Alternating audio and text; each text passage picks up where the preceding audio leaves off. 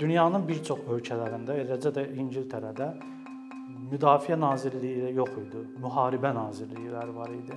Ministry of War. Amma 2-ci Dünya müharibəsindən sonra artıq dəyişdi. Başladı bu nazirliklərin hamısı oldu müdafiə nazirlikləri. Yəni ki, bizim dərdimiz heç kimin torpağı deyil, heç kimə işğal etmək falan istəmirik. Biz ancaq müdafiə olunacağıq necə isə.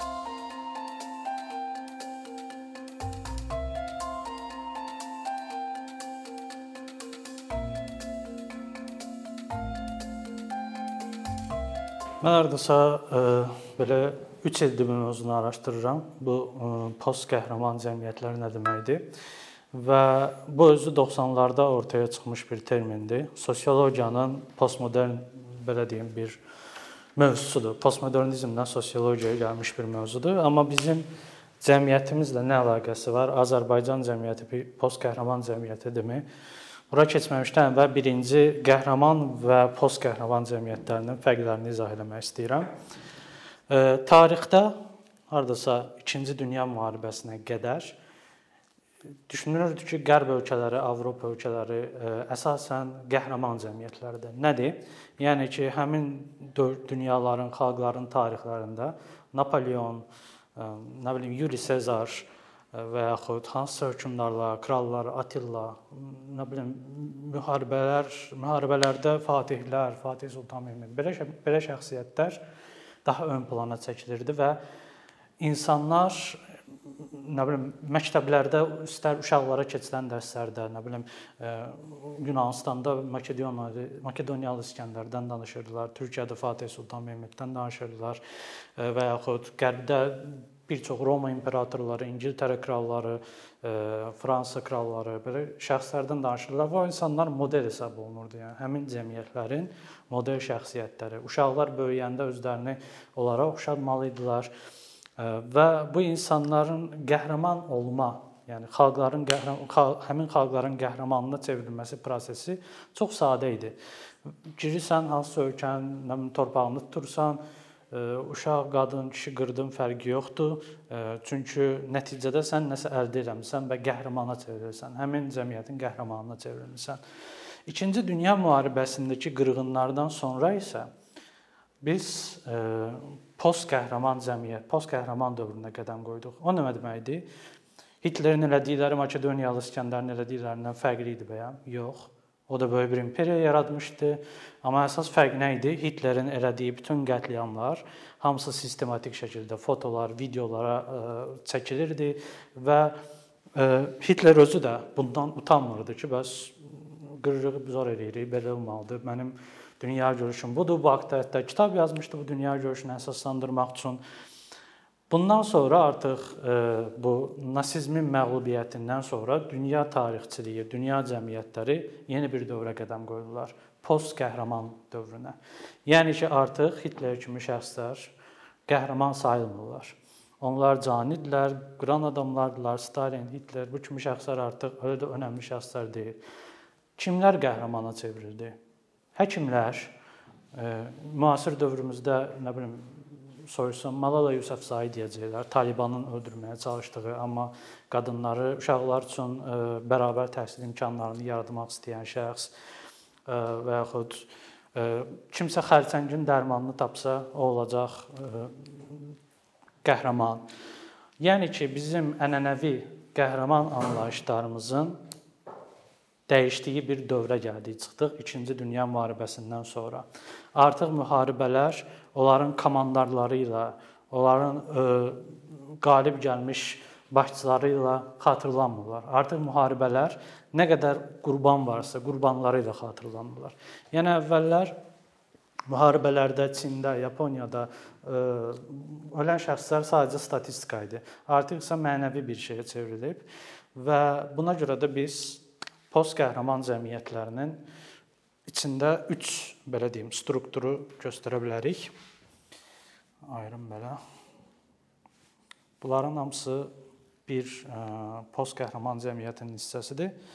Amma e, bir əsasən e, biz bu gün danışacağıq biz əsas hərbidən, yəni ki, post qəhrəman hərb, post qəhrəman post heroik dillər ingiliscəsində post qəhrəman müharibə və post qəhrəman liderlik buna həm şirkətlərdə olan liderlik də aiddir, həm də dövlətlərdə olan, yəni siyasətçilərin liderliyi də aiddir belə.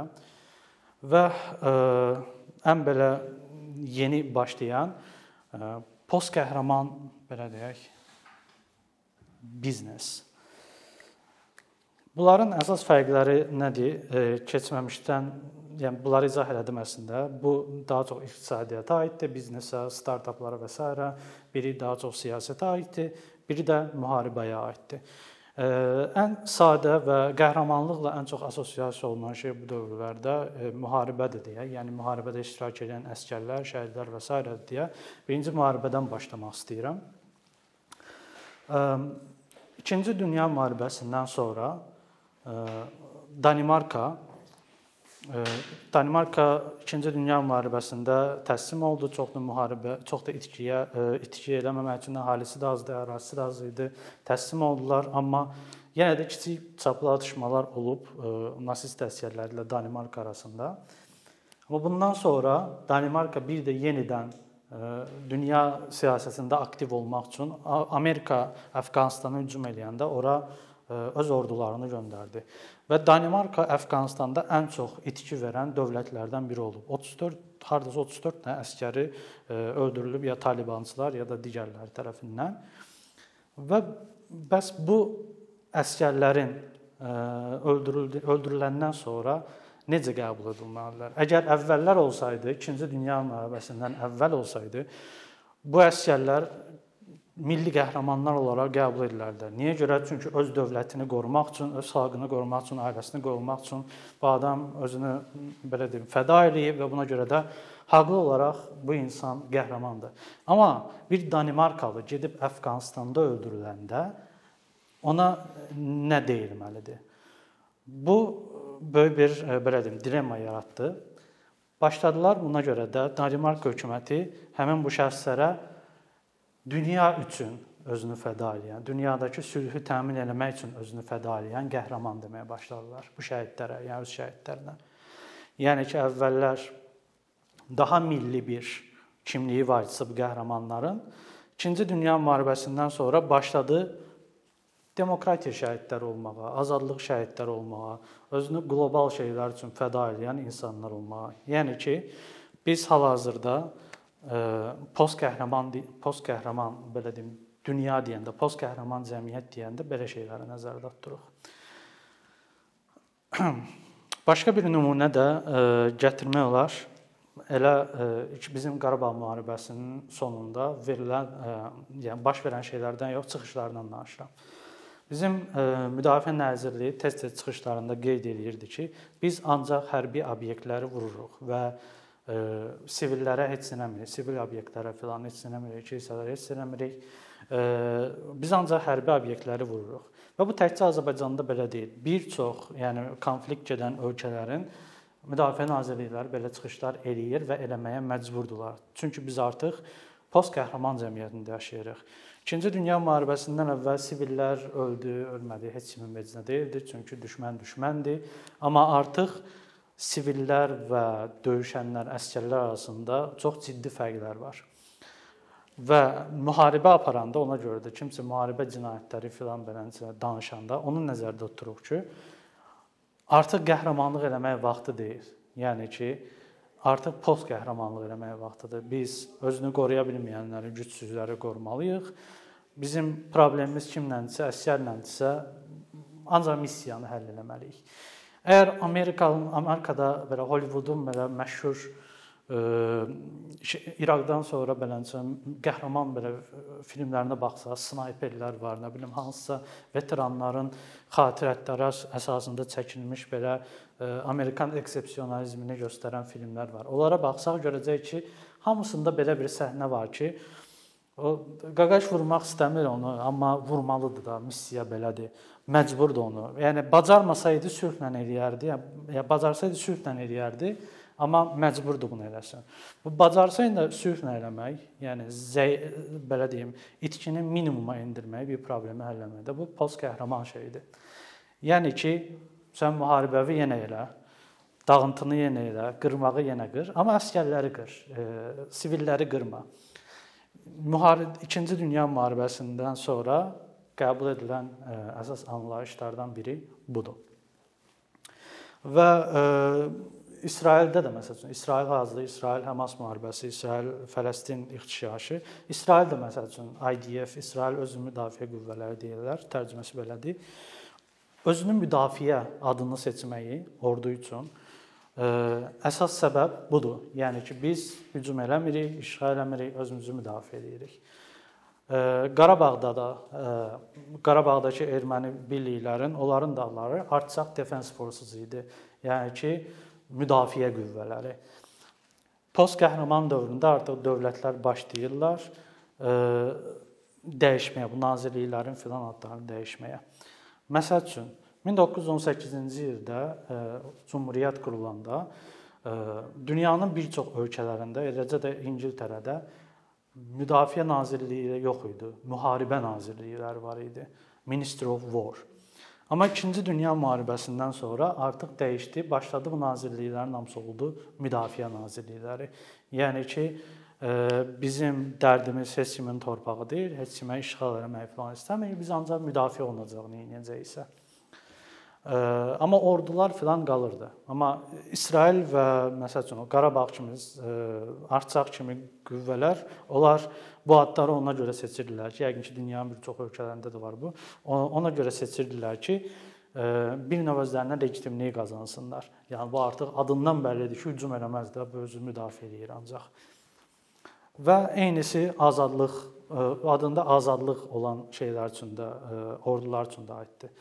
Məsəl üçün Fələstin Azadlıq Təşkilatı və yaxud Çin e, Xalqın Azadlığı Ordusu. Azadlıq bu da Sovet dövrünün, Sovetin gətirdiyi 2-ci Dünya müharibəsindən sonra gəldiyi konseptlərdən biridir.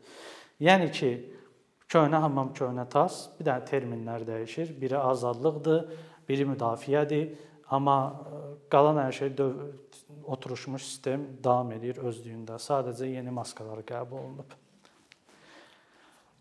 Hərbi bunun əsas şeyidir. Yəni ki, biz əvvəllər əsgərlərin ölümünə belə haqq qazandırırdıq ki, onlar özlərini qurban veriblər. İndi necə baxmalıyıq?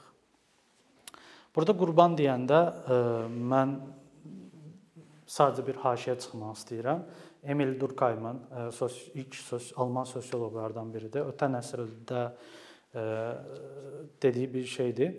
O intiharın 4 növünü təyin edir və bu intiharın 4 növlərindən biri də müharibəyə könüllü gedib orada ixtişaşlarda iştirak edib bu ölüm riskini almaqdır. İntiharın bir növü kimi sayılır. Məsəl üçün döyüşlərdə şəhid olmağı.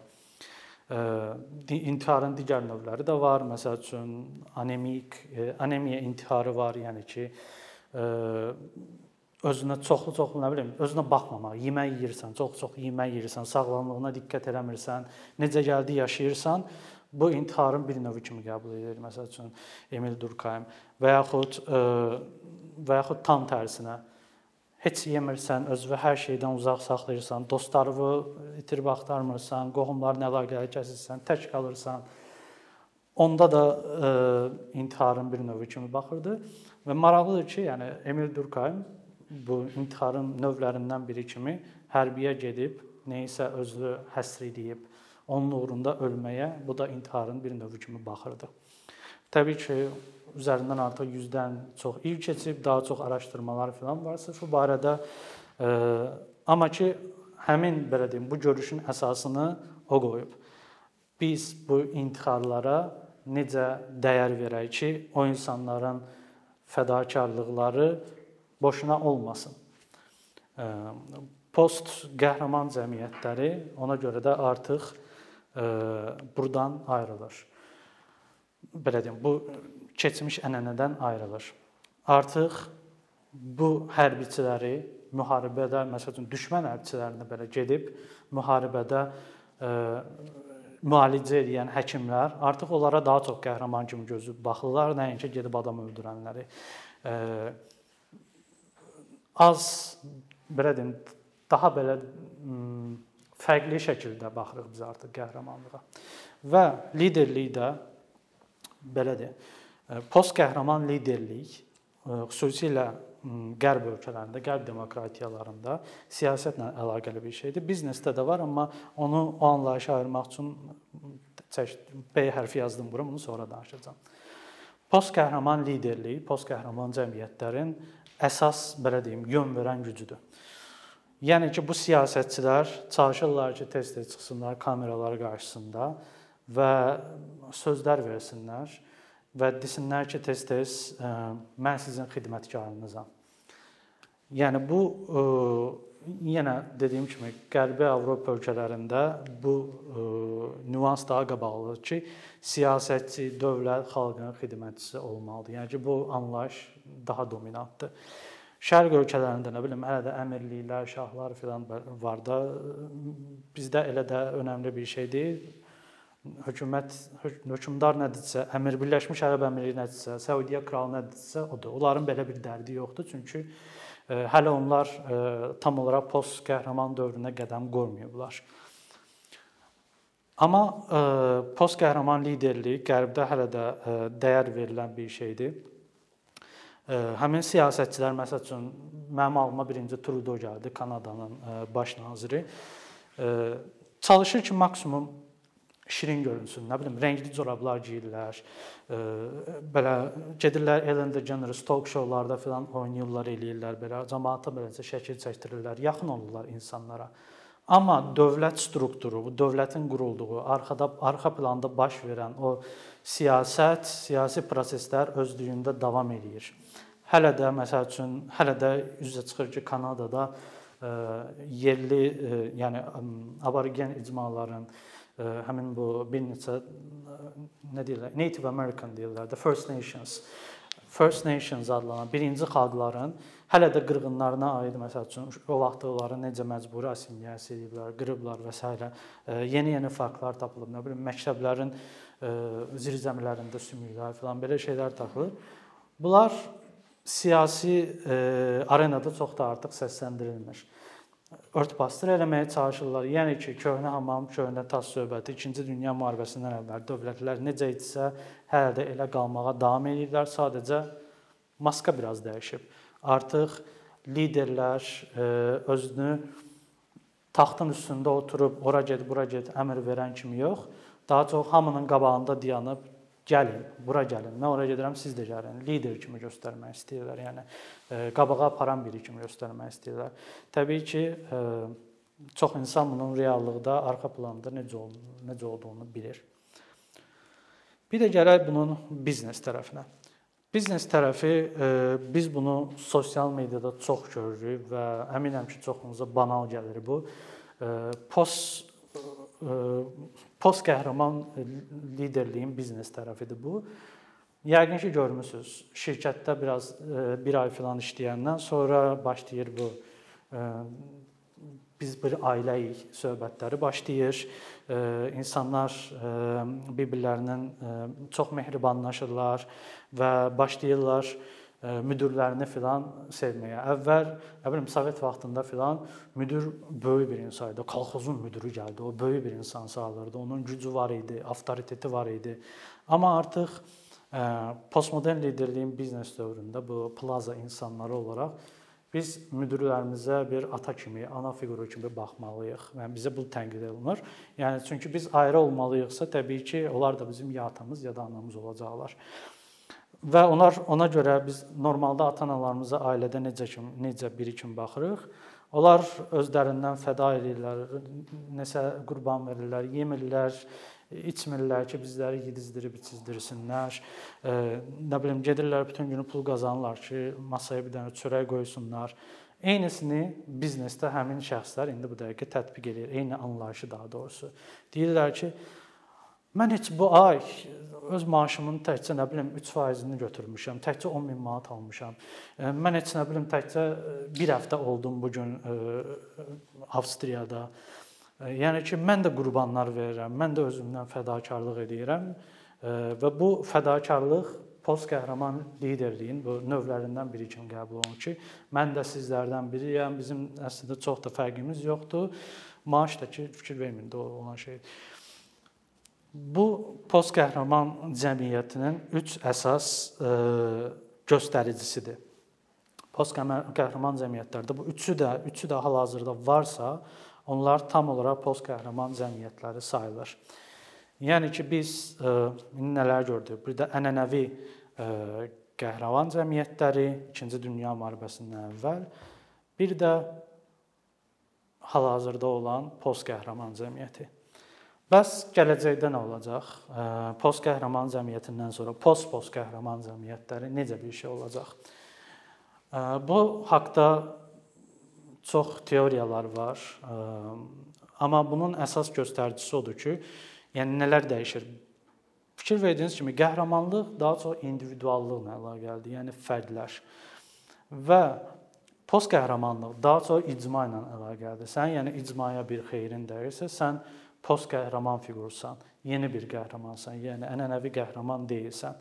Sən əvvəllər, sən qəhrəmanlığın əvvəllər kimi nə qədər adamı öldürməyinlə, nə qədər ə, e, güclü adam olmağınla ölçülürsə, sən qəhrəman olmağın artıq insanlara nə qədər xeyir verməyindən ölçülür və icmanın nə qədər bir ə, e, his, necə hiss etsənsə onunla ölçülür. Məsələn, tez-tez təlimlərə gedən adamlar, tez-tez çıxışlar edən və nə bilim bunlara görə təmənnasız iş görən adamlar, gedir nə bilim filan ailələr üçün pul yığırlar, imkansız ailələr üçün pul yığırlar. Bu adamlar daha çox post qəhrəman kimi tanınır, yeni növ qəhrəmanlar. Və görürsüz ki, onlar özlərini də reklam eləməkdən heç də çəkinmirlər. Bütün bu yaxşılıqları edirlər, amma yadlarından çıxmır ki, bu e, insan insanların həmişə gözünün qabağında olsun. Bu həm ə, e, nəyə görədir? Həm deyirlər ki, biz bununla daha çox yaxşılıq eləməyi normallaşdırmaq istəyirik. Mən deyirəm, siz deyin. Amma ki, ə, e, əksər ə, belə deyim, tədqiqatçılar bu fikirdə deyil. Onlar düşünürlər ki, sadəcə qəhrəmanlığın transformasiya olunmuş formasıdır. Özlərini yeni dövrə alışdırırlar. Bəs bundan sonrakı dövr necə ola bilər gələcəkdə? Bu texnologiyanın inkişafı ilə xüsusilə bağlıdır. Xüsusilə süni zəkanın inkişafı ilə bağlıdır. Nəyə görə? Artıq biz cəmiyyətlərdən daha da kommunal, daha da qlobal bir şeyə doğru gedirik. Məsələn, biz indi millətin, bir millətin üzvüyük. Gələcəkdə artıq biz bir millətin yox, özümüzü daha çox daha böyük geniş coğrafiyanın, nə bilim, Qərbi Asiyanın və yaxud ümumiyyətlə Asiyanın, Asiya cəmiyyətinin bir üzvü olaraq görə bilərik. Yəni ki, trend ona doğru gedir. Bu da texnologiyanın inkişafı ilə daha çox bağlıdır. Biz nə qədər telefonlarımıza bağlıyıqsa, internet nə qədər daha çox məlumat alırıqsa, bu prosesi daha da sürətləndirir.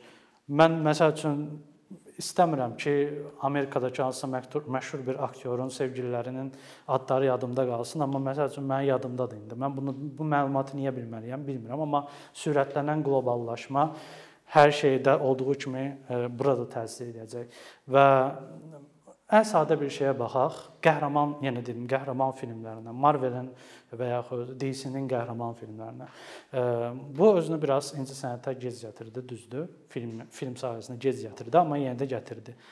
Yəni burada 2-ci dünya müharibəsindən söhbət getmir artıq. Əvvəllər qəhrəman qəhrəman hər bir qəhrəmanın öz öz komiksi var idi, öz filmi var idi. Artıq isə bu qəhrəmanlar tək nəsə eləyə bilmirlər. Mütləq gərək başqa qəhrəmanlardan kömək alsınlar. Həmişə 5-6 dənə qəhrəman bir yerdə nəsə eləməlidir. Həmişə e, artıq belə deyim, əvvəllər bir protagonist var idisə və bir antagonist var idisə, indi daha çox protagonist birləşir və bir antagonistə qarşı döyüşür. Yəni ki, bu onun mesajıdır ki, icma artıq individualdan, cəmiyyət artıq individualdan daha güclüdür. Bundan sonra nə olacaq? Bundan sonra böyük ehtimal artıq e, biz daha çox elmi fantastika filmləri görəcəyik. Orda artıq bütün dünya birləşəcək. E, İnoplanetyanlara qarşı, gəlmələrə qarşı mübarizə aparacaqlar. Ortaq bir düşmən olmasa birləşə bilmirik çünki. Yəni bu ideyadan və yaxud süni intellektin özünə qarşı da birləşə bilərik. Bu da ola bilər ki, mən artıq dünən bu haqqda bir filmə baxdım. Yəni başlayıb başlayıb artıq. Filmlərə aiddən də onu deyim. İndi bu yaxınlarda e, Napoleon filmi çıxacaq kinoteatrlarda.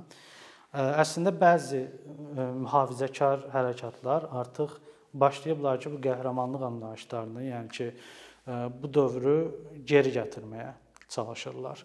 Əsasən incəsənət yolu ilə, məsəl üçün Oppenheimeri gördük, Napoleonu gördük. Ondan əvvəl nə bilim Vikings var idi, Ragnar Lothbrok, ondan əvvəl bir neçə kralların belə Henrinin filan onların artıq yenidən dövrümüzə qaytarılmağı istənilir. Buna əsasən mühafizəkar qüvvələr istəyirlər.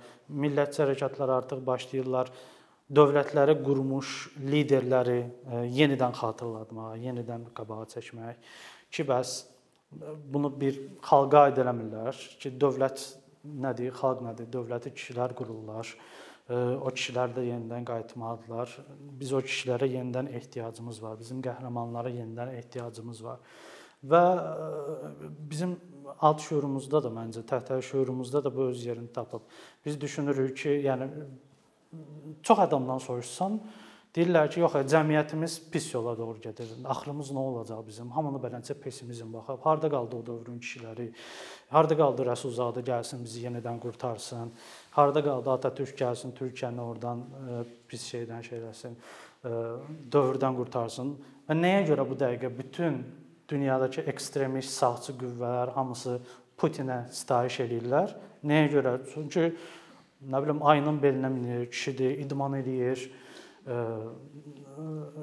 hamısı belə nə bilim yerindədir, ə, nə deyirlər, fiziki gücü yerindədir. Angela Merkel-ə gül zad verir, belə qadınlara gül verir, kişilərə elə davranmalıdır filan. Yəni ki, bizim bu anla belə köhnə stereotiplərin hamısının qaytarılmağının tərəfdarıdırlar. Yəni ki, biz artıq qəhrəmanlıq dövrünə qayıtmalıyıq. Buna bir bu təbii bir proqresi artıq e, belə deyim mübarizə aparırlar ki, bəs e, go back to tradition. E, ənənələrə geri qaytaraq, geri qaytaraq.